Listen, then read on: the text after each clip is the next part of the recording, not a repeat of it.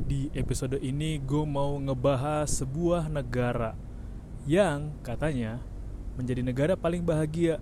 Tapi kalau menurut gue itu bahagianya hanya di luarnya aja. Kenapa? Gue mau ngebahas dari beberapa sisi sih, terutama sisi psikologinya. Oke, kita mulai.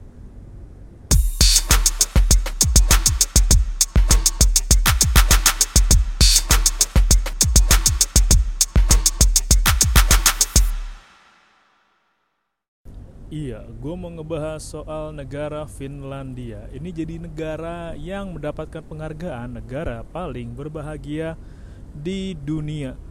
Dan ini jadi negara standar patokan pendidikan yang namanya jam sekolah sebentar, nggak ada PR, suasana belajar menyenangkan, cuti di sana juga bisa lama. Terus ketika lu melahirkan, negara akan ngasih lo tunjangan yang banyak juga. Tadi sih gue sempet cek-cek di TikTok juga. Ada yang bilang sampai 17 tahun. Tapi setahu gue, ini tapi udah lama juga sih, mungkin udah update kali ya. Dikasih tunjangan tuh sampai umur 4 atau 5 tahun. Jadi dikasih kayak kebutuhan pamper, susu, baju dan lain-lain dan untuk suami juga ada cuti melahirkan juga di sana negara tampak bahagia lah kalau nggak salah nih kalau nggak salah ya. Sempat ada meme yang dibilang penjara di Finlandia tampak lebih menyenangkan daripada kos-kosan gua. Anjing anjing. Jadi penjaranya menyenangkan gitu kayak tempatnya bersih rapi ada olahraga caturnya. Oh btw ini tadi ada pengumuman sih di grup keluarga tapi ya di grup WhatsApp keluarga. Gue ada yang bilang nih Jakarta cuacanya bakal panas, tambah panas. Emang sih panas. Ini gue rekaman juga suara anginnya kenceng, tapi kok anginnya berasa panas di badan gue ya? Setahu gue nih angin muson-muson apa, biasanya mah angin bawa ada nih angin bawa udara panas.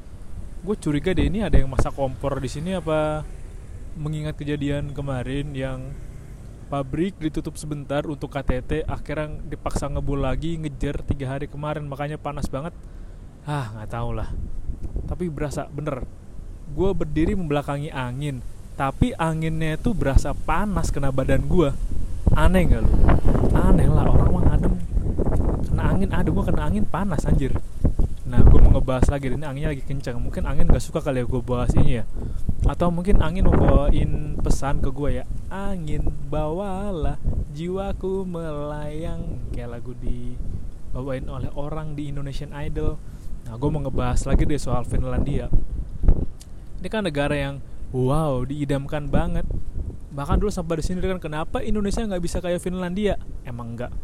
Pendidikan nggak. Kenapa nggak bisa sebahagia Finlandia? Nggak. Enggak.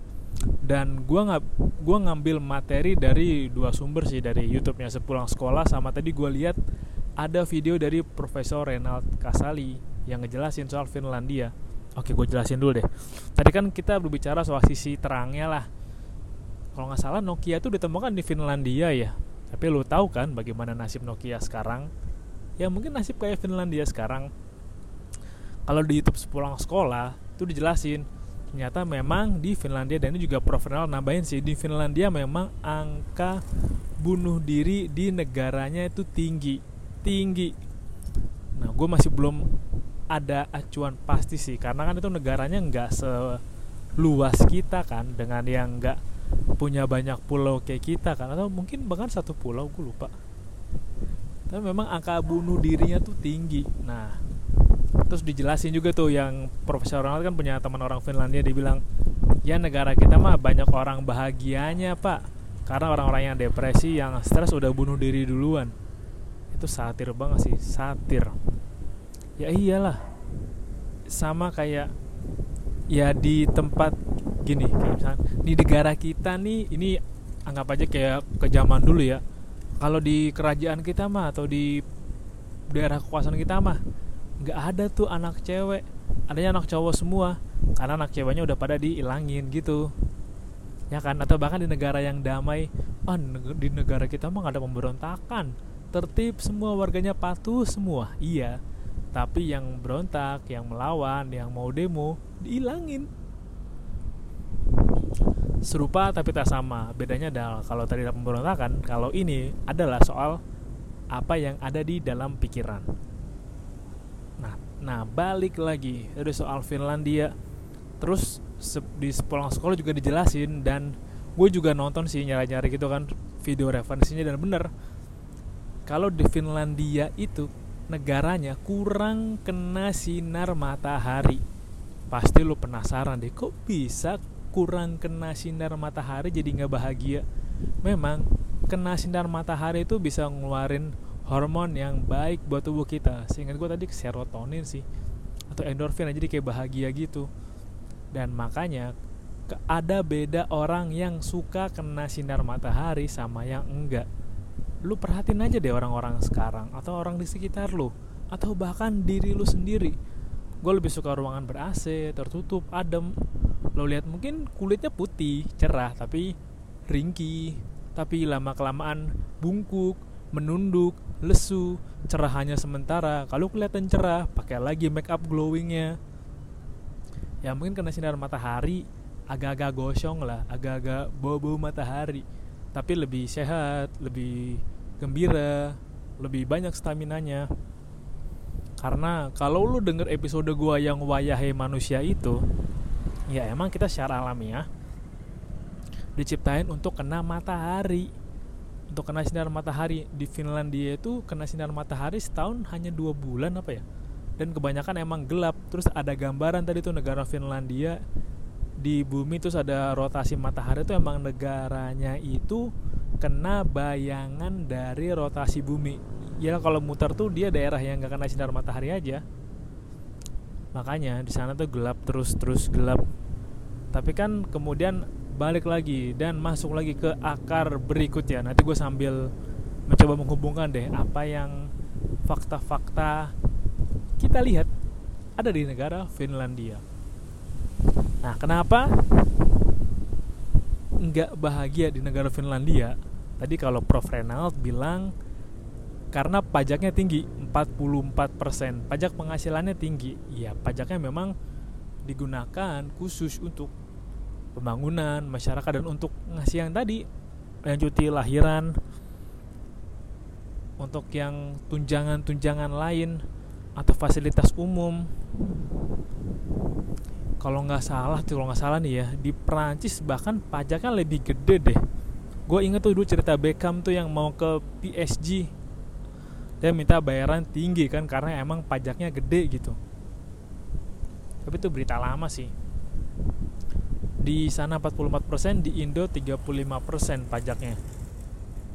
Gede sih gede. Kayak ya lu udah bersusah payah berjuang udah semangat berjuang gitu kayak udah banting tulang tapi dipotong 44% sama negara demi yang menopang orang lain kalau dilihat memang negara yang enggak luas, enggak kayak kita yang bu punya banyak pulau, suku, budaya, bahasa, wow. pasti butuh effort lebih biar bisa ngatur negaranya ini mau kayak gimana, mau jadi apa. Tapi di negara yang satu kepulauan gitu atau bahkan kepulauannya beberapa dan nggak banyak, yang ngaturnya gue rasa lebih mudah lah, lebih gampang diatur. Makanya lebih gampang bikin kebijakan yang pro di negara bahagia. Oke, kita sekarang masuk ke pembahasan yang lebih serius, oke? Ini opini gue. Opini gue dari beberapa hal yang mungkin gue pikirin dari lama yang masih jadi keresahan gue, yang masih jadi pertanyaan buat gue. Lo bisa ambil, lo bisa jadiin ya bahan materi, lo nggak usah dengerin juga nggak apa-apa, atau lo jadiin angin lalu juga nggak apa-apa. Oke ini menurut gue ya. Menurut gue ntar nih anginnya emang rusuh sih. Gue nggak tahu apakah anginnya sebegitu sebel ketika gue bahas Finlandia atau gue mau bahas fakta yang cuaks yang mencengangkan dan bakal jadi pertanyaan. Oh iya ya emang iya ya? Eh beneran nggak sih? Eh gimana ya? Eh. Tapi setahu gue ya ini gue belum nemu datanya sih berapa banyak orang miskin di Finlandia. Berapa banyak pengangguran tindak kriminal. Oh inget gue ya tindak kriminal juga di sana tinggi. Terutama tuh kriminal yang seksual. Tadi gue baca juga ada beritanya. Di sana tuh pelecehan seksual tinggi dan tadi negara yang ya kayak free sex masih dilegalkan ya di Finlandia. Kekerasan seksual bebas dan tinggi ya. Ini mungkin menjadi pemicu nggak bahagia di negara yang paling bahagia. Tapi gue coba akan sandingan ini dengan One Piece. Lo inget One Piece yang arc Dressrosa nggak? Lo inget gak yang bagian arc Dressrosa inget kan? Atau yang di Wano yang pemakan buah smile? Tapi itu jauh deh yang Dressrosa aja deh. Buat gue emang Dressrosa tuh ber apa ya punya hal yang bagus lah dan menyenangkan. Berkesan Dressrosa buat gue di Dressrosa kan orang-orang yang menolak dijadiin mainan agar bisa nemenin orang-orang yang bahagia itu dalam loh Eiichiro Oda itu gambarin dengan pesan yang dalam. Lo bayangin orang-orang yang mau melawan mau memberontak dijadiin boneka sama sugar buat nemenin orang-orang ya buat nemenin orang-orang itu ngobrol jalan-jalan main dan bahkan nemenin ketika pacaran. Dan pahitnya adalah orang yang udah dijadiin boneka ingatan dia sama orang itu bakal hilang. Kayak misalkan gue punya teman Budi nih gue punya banyak cerita sama Budi lah. Gue pernah sharing ngobrol nongkrong. Tapi si Budi dijadiin boneka. Ingatan gue soal Budi ya cerita gokil gue sama Budi cerita goblok gue sama Budi hilang semua karena Budi udah jadi boneka. Udah udah jadi boneka. Nggak bisa bergerak bebas nggak bisa berontak. Ya udah hanya nemenin aja sih nemenin gue gitu. Temen gue ngobrol jalan-jalan tanpa gue tahu itu sebenarnya Budi teman baik gue teman ngobrol gue cuman gue nggak tahu karena dia berubah jadi boneka. Oke angin udah aman. Anginnya udah mulai damai oke. Di negara yang paling bahagia kenapa banyak masyarakat yang nggak bahagia? Karena sudah terlalu nempel predikat negara bahagia. Kok di negara bahagia ada orang yang nggak bahagia kok bisa di negara yang bahagia ada orang yang depresi? Kenapa di negara yang bahagia hal-hal yang seperti tindakan pelecehan seksual ini tampak kriminal? Ya kan? Beban menjadi negara yang dilabelin gitu adalah ya harus siap dengan konsekuensinya. Makanya satir sih ketika dibilang ya orang yang nggak bahagia udah pada bunuh diri semua yang depresi udah bunuh diri semua. Isu kesehatan mental di sana rendah. Cukup wow sih. Di benua Eropa yang ya kita kenal dengan kesadaran yang tinggi juga kesadaran akan kesehatan mental masih rendah di sana.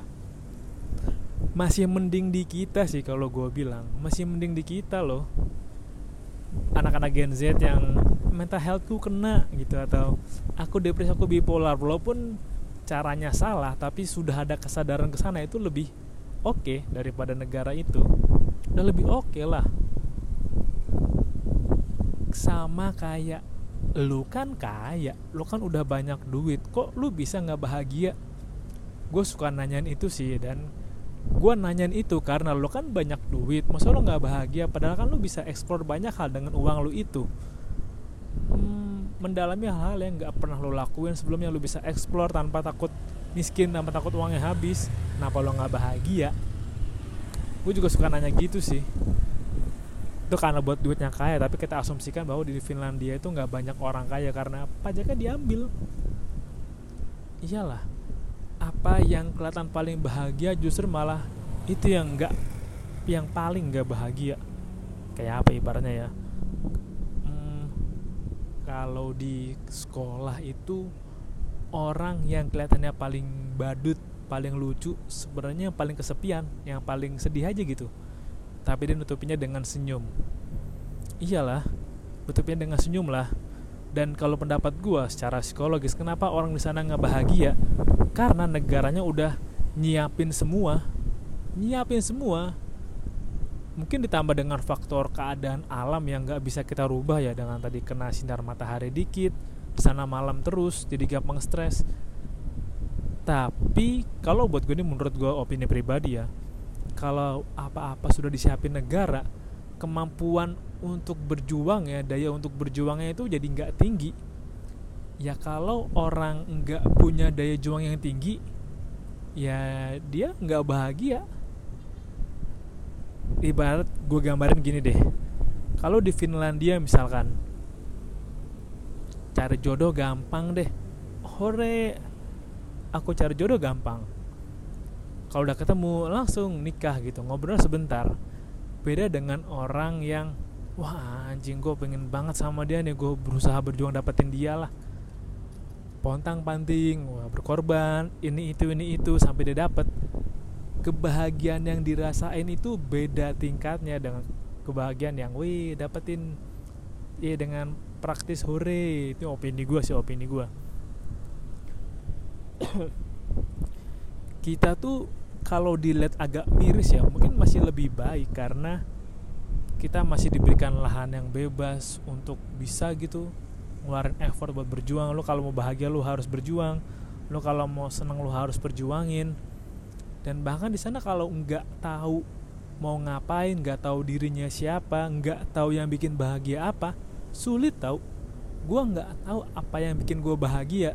Tapi negara gue udah dicap sebagai negara yang paling bahagia. Gimana gue mencari bahagia gue gue nggak tahu bahagia gue apa dan kita masih bersyukur loh kita negara tropis kena sinar matahari banyak. Walaupun memang efek sampingnya adalah membuat orang-orang jadi males dan senang rebahan dan ini ada deh. Ada penelitian kok. Orang-orang di negara kayak kita gini tropis gini emang lebih senang rebahan karena terlalu banyak kena paparan sinar matahari dan enak aja gitu tiduran kena sinar matahari tipis-tipis di bawah pohon tuh enak. Karena itu juga. Tapi itu yang bikin kita tahu bahwa oh ya gue gue kena sinar matahari nih gue punya semangat lebih energi lebih. Kalau di negara yang kayak gitu kan yang ya kayak tadi gue bilang gue mau berjuang juga bingung gue mau bereksperimen apa juga nggak seleluasa. Orang-orang yang tinggal di negara lain karena tadi akses langit karena tadi hasil penilaian dari mereka lah yang happy index itu ya gue mesti gimana? Gue mesti berjuang gimana? Gue mesti ngapain? Ya meskipun pendidikan terbaik tapi kan nggak semua anak itu emang didesain untuk jadi karyawan nggak didesain untuk jadi orang yang lempang sesuai dengan sekolah mau. Standar sekolah yang baik di Finlandia menurut gue nggak bisa sejalan lurus dengan tingkat kebutuhan apa yang dunia kerja dan dunia butuhkan serta apa yang dunia ingin tawarkan. Sebagai contoh oke okay lah lo murid yang baik lo anak penurut tapi untuk lu bisa survive di sini lu kan nggak cukup jadi penurut lu mesti berusaha lu mesti berpikir kritis lu mesti bisa ngembangin kecerdasan emosional lu lu mesti A lu mesti B. Iya kan nggak bisa semata-mata. Oke okay, sistem pendidikan yang baik. Sistem apa ya oh yang gaji guru yang tinggi. Ya kan gak serta merta menjadiin masa depan anaknya otomatis cerah. Dia mesti anak itu ya mesti keluar mesti mencari tahu nih dia ini siapa peran dia di sini apa. Ya mungkin mungkin di Finlandia tuh kayak oh pendidikan negaranya baik nih.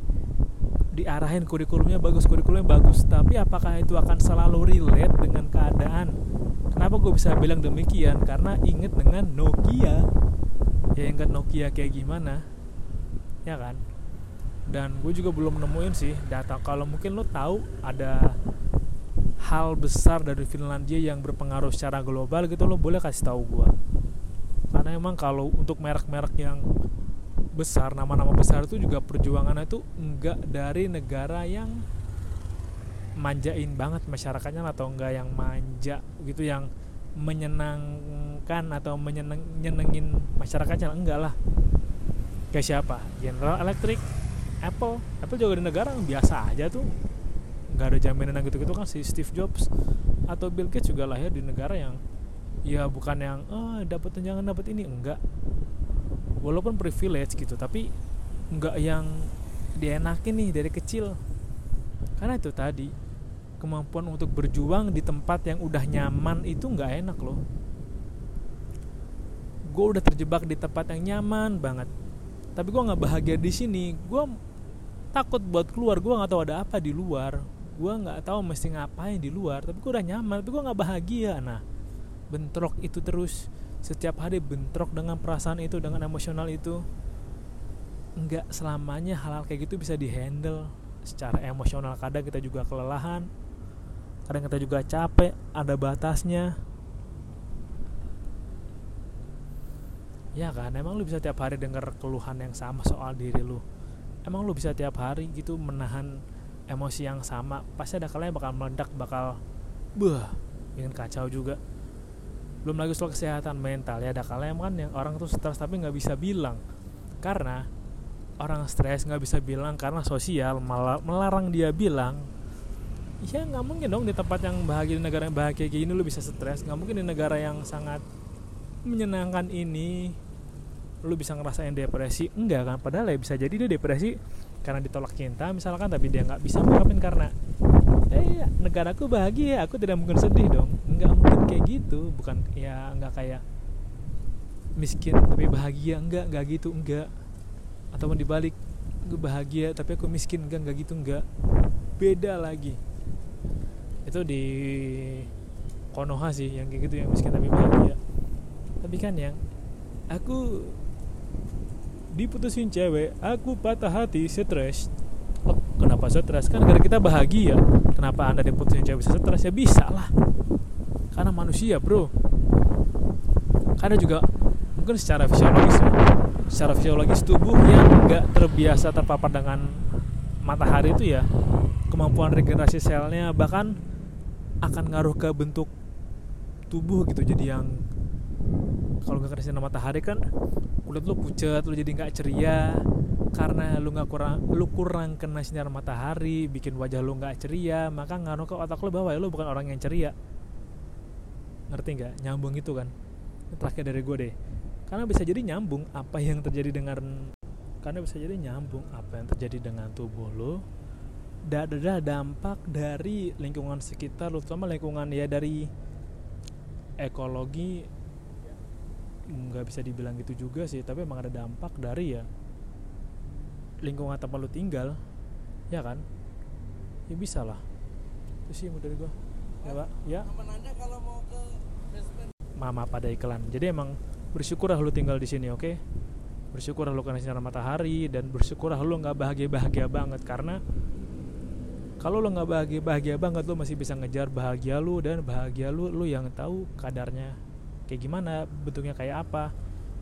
Nggak dapet stempel lu orang yang paling bahagia. Karena emang bahagia lu yang tentuin sendiri oke? Okay. itu aja sih. Oke terima kasih udah dengerin dan sampai jumpa di episode berikutnya. Bye bye